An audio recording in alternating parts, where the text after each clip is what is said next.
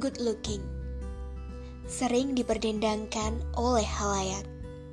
Lalu kita akrabi dalam bahasa sehari-hari. Bermula dari celutukan belaka, tapi belakangan ini good looking menjelma menjadi bayang-bayang kekhawatiran. Ya, tentu saja. Tak ada manusia yang tidak ingin dipuja parasnya. Pun, tak ada manusia yang ingin dicela rupanya. Tapi Kodrati berkata, manusia tak sepenuhnya sama. Ada rupawan, ada yang tidak. Ada cantik, ada pula yang tidak.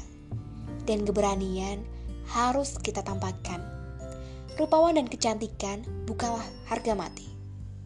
Di atas itu semua ada hati, watak, sikap, dan perangai yang bisa kita jadikan kemuliaan.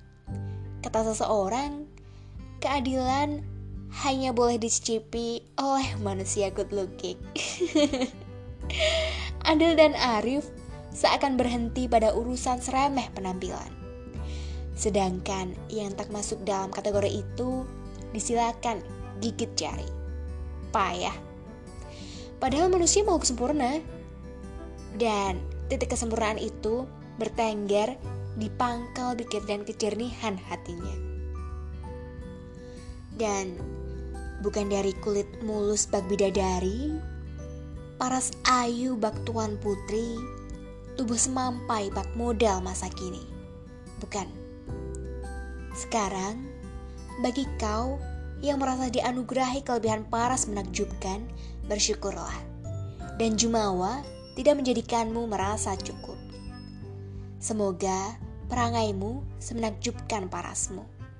Dan bagi kau yang merasa urung dilimpahi paras yang elok itu, tak usah terlampau risau. Keelokanmu tak sebatas fisik semata.